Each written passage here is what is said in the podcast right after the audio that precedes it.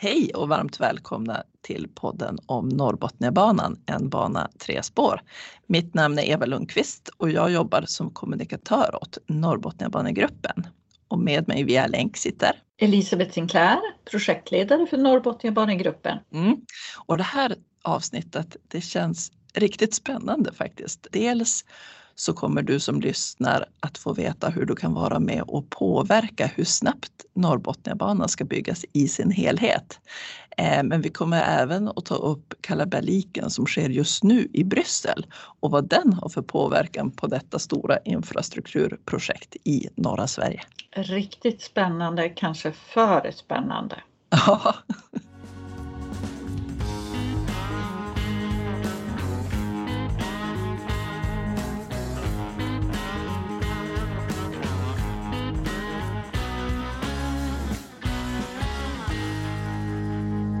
har ju i tidigare poddar pratat mycket om stomnätskorridorer och hur viktigt det är att vara en del av dessa för att kunna få stöd från EU egentligen. Och Norrbotniabanan kan ju snart vara en del av stomnätskorridoren ScanMed, vilket vi också har pratat om tidigare och att vi väntar på detta besked från EU så att vi kan fira detta. Men än så länge är det tyst från Bryssel. Vad, vad, vad händer egentligen? Jag tror att det är ganska högljudda röster i Bryssel just nu.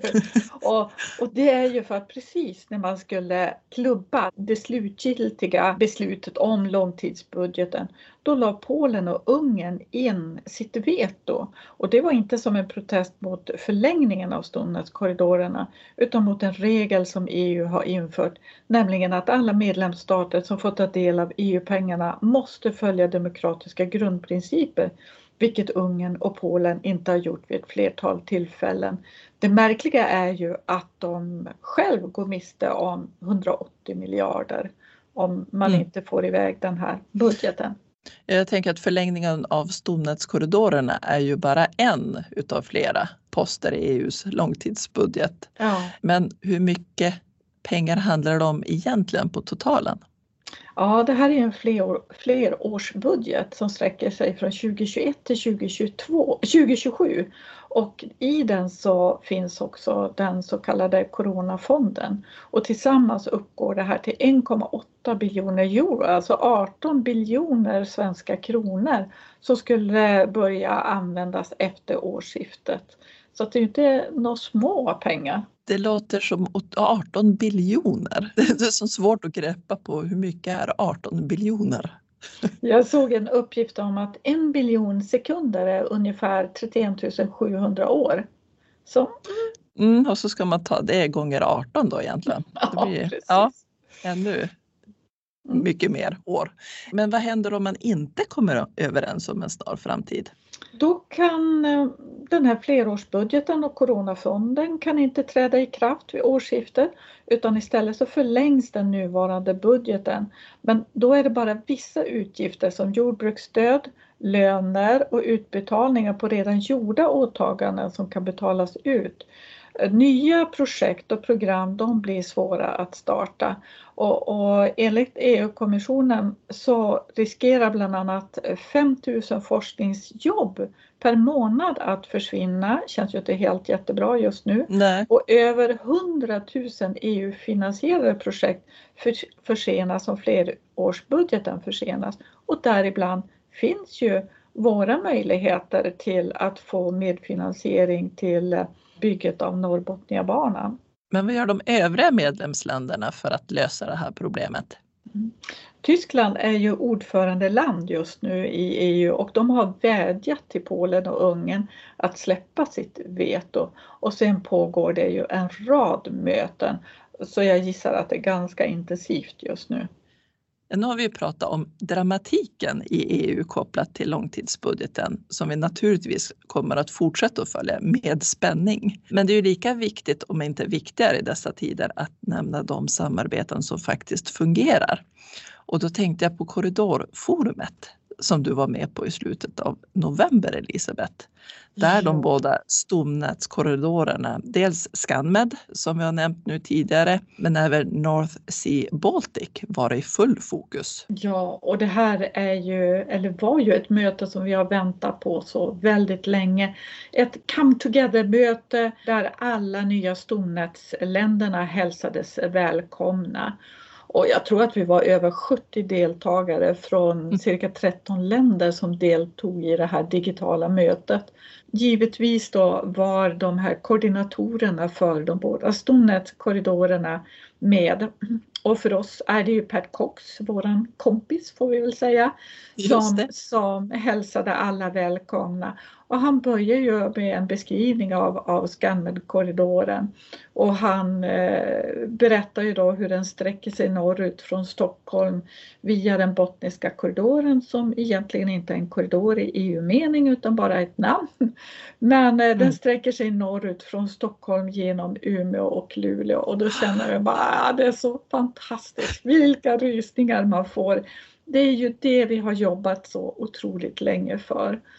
Och, jag får ju ja, rysningar bara när du berättar om ja, det. Ja, och, och, en otrolig känsla var det också när mötet var slut och man fick den här känslan att vara med i ett internationellt sammanhang när alla sa adjö, adjö, au revoir, auf Wiedersehen, farväl och ha det från Norge. Ja just det, den lite hurtiga avslutningen från Norge där. Ja det är ju fantastiskt med allt samarbete som pågår över gränserna och eh, utan finansieringar kopplat till dessa stomnätskorridorer så skulle det vara nästintill omöjligt med större gränsöverskridande projekt. Mm. Jag tänker exempelvis som Brennertunneln mellan Italien och Österrike. Som aldrig hade blivit av om de inte hade fått medfinansiering. Nej, och, och det projektet känns ju lite som ett systerprojekt till Norrbotniabanan. Eh, lite att... större bara. Men vi är i alla fall i samma korridor, skammen. Eller snart, hoppas vi, för att få besked på att vi är en del av förlängningen. Och vi har ju fått förmånen att besöka detta stora tunnelprojekt. En fantastisk eh, resa.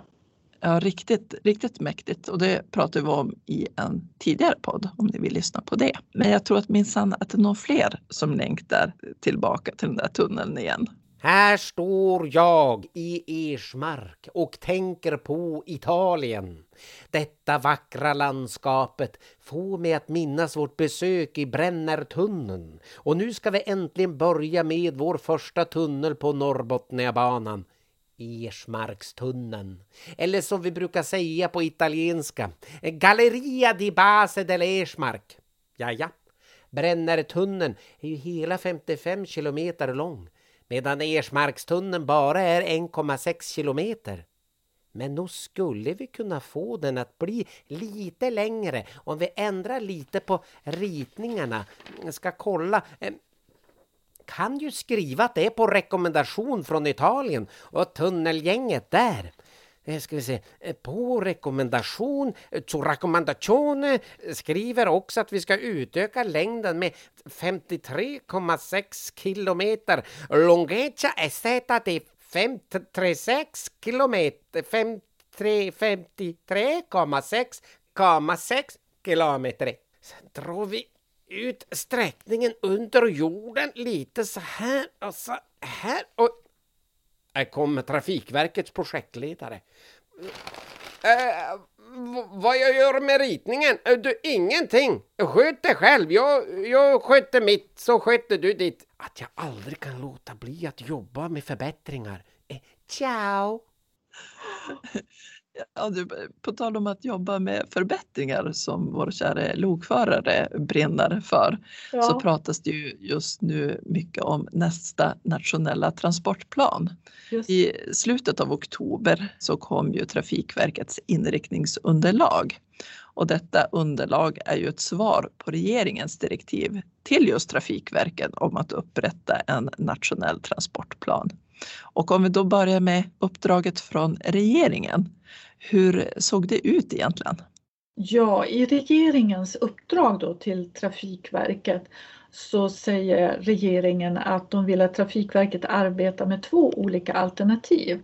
En 12-årsplan och en 16-årsplan. Och 12-årsplanen den sträcker sig mellan 2022 till 2033 och får uppgå till 622 miljarder.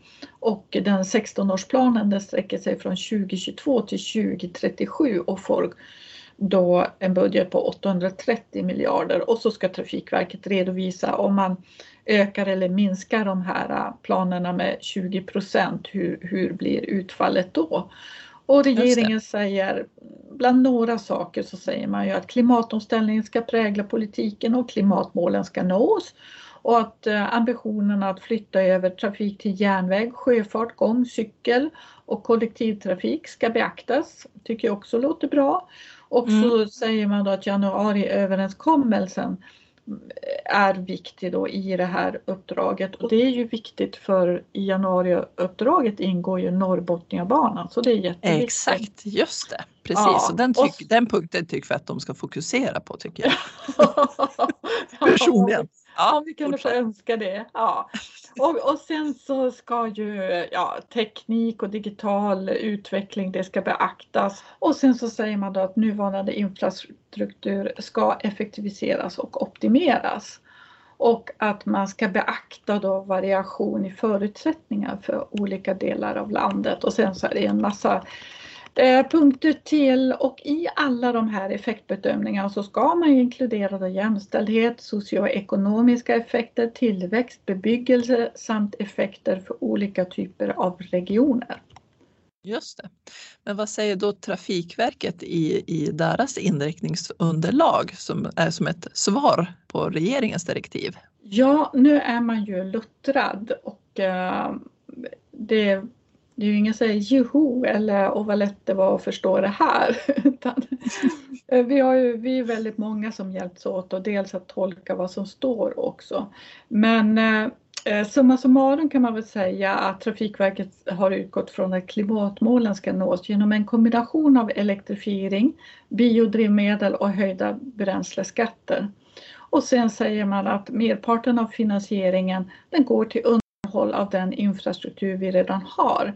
Och mm. sen blir det inte så mycket kvar. Och sen så använder ju Trafikverket eh, prognoser och mycket i prognoserna styrs av andra myndigheter. Men det uppstår en massa problem och vi får en massa frågetecken med det där.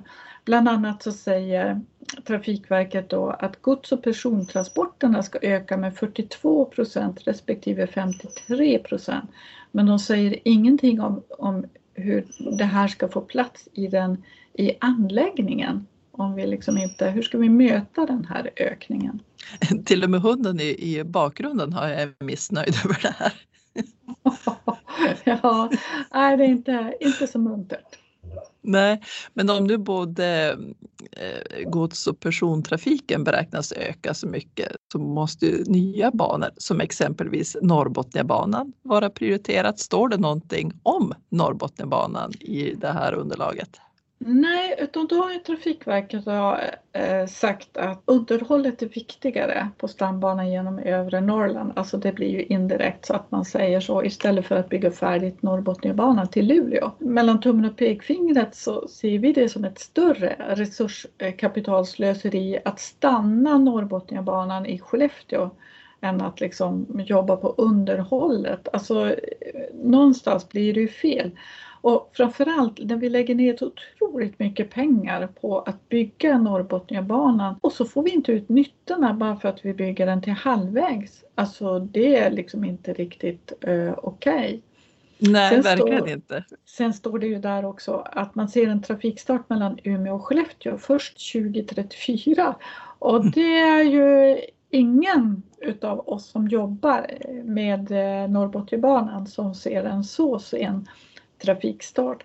Och, och bekymret blir ju då att eh, när eh, regeringen säger, att, eller i regeringsuppdraget att hela landet ska utvecklas Och det är ju viktigt för oss att spegla det när vi vet att 800 miljarder de närmaste 15 till 20 åren investeras i bara, bara i Norr och Västerbotten med tusentals jobb som väntar. Men i inriktningsunderlaget finns inget av detta med utan istället så står det då, för de använder sig av de här prognoserna, att befolkningen ska minska kraftigt i norr och den ska öka kraftigt i söder. Det blir en så otroligt dyster bild av norra Sverige. Och det här kan ju mm. också bli som en självuppfyllande profetia där man säger oh, ska ju öka befolkningen i södra Sverige då måste vi investera i infrastruktur där. Fast mm. det just nu är i norra Sverige som det händer som allt händer. Och jag tänker det du nämnde tidigare att, att eh, nu är ju jag lite luttrad som du sa. En som är lite mindre luttrad, det vill säga jag själv, eh, var ju väldigt peppad inför det här, eh, det här underlaget från Trafikverket. Tänkte, där kommer ju att stå att hela Norrbotniabanan ska byggas, att, att den andra etappen skulle vara med mellan Skellefteå och Luleå. Men som du säger att det är det ju inte och att bara liksom bygga halva nu när ångan är uppe är ju jättedumt. Och det förstår jag att även du som lyssnar tycker. Men då kan vi ju berätta att nu kan du vara med och påverka detta. För på hela Norrbotniabanan.nu kan du boka en fiktiv biljett för att visa ditt stöd för banan. Och jag tror att det är någon som sitter och gör det faktiskt just nu. Elisabeth och Eva, himla roligt att jag äntligen får boka resor även om det är på låtsas. Ska vi se. Nu har jag bokat resa mellan Skellefteå och Haparanda. Där satt den. Vänta, ett problem har uppstått på datorn. Ditt tangentbord saknas. Nej, jag har det här framför mig. Den måste startas om. Använd din bluetooth för återställning. Nej, inte nu igen. Jag skulle boka min sextonde resa. Och blåtänder, hur tänker de? Nej, jag tar min valtand istället. Sådär ja. Nu ska vi se. 7 en counting. Räkna på du medan jag äter. Ja. Tänk att bara halva Norrbotniabanan finns med i nuvarande transportplan. Att bara halva Norrbotniabanan finns med är ju lika tokigt som att, eh, att inte dra upp gylfen ända upp. Eller som att, som att jag mitt i denna delikata måltid eh, skulle ta bort halva portionen som ska ge min lokförarkropp kraft och energi. Det är ju ett rejält kapitalresursslöseri med halva mål och halva spår. Nej, det ska ju vara, är ni med nu? Nu höjer jag mjölkglaset. Hela spår, sjung hoppalalalalalalej. Hela spår, så att vi Luleå når. Ah. Ja, det var ingen mellanmjölk det där inte. Hm, den satt bra. Ska se. Installation completed. Splendid! Nu ska jag bara fortsätta boka resor på hela Norrbotniabanan.nu. För nu ska vi ha in hela banan i nästa nationella transportplan. Så där ja! Exakt så. Passa på nu att boka dina resor på hela Norrbotniabanan.nu för din röst är viktig. Jätteviktig! Mm. Liknande kampanj genomfördes inför den nuvarande nationella transportplanen och där bidrog era bokningar, jag tror de var 10 700 drygt. Ja, faktiskt. De bidrog till finansiering av byggande mellan Umeå och Skellefteå. För då, liksom nu, så kommer vi att bifoga era bokade resor tillsammans med vårt remissvar till infrastrukturdepartementet. Och tillsammans blir vi starka. Exakt så. Och om vi nu ska knyta an där vi började i EU så har ju faktiskt Sverige indirekt lovat att Norrbotniabanan ska stå klar i sin helhet hela vägen upp till Luleå till 2030.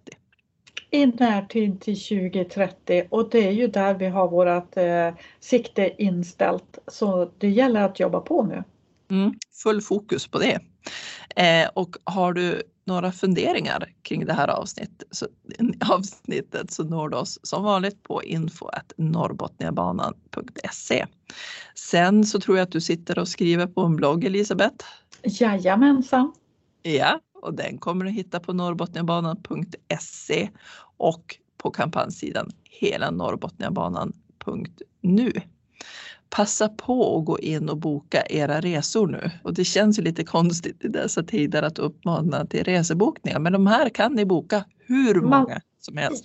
Ja, och det känns ju som ett alldeles ypperligt tillfälle att boka utan kostnad, utan att förbinda sig till något och helt virusfritt. Garanterat. Sköt om er där ute så hoppas jag att vi hörs snart igen. Hej då!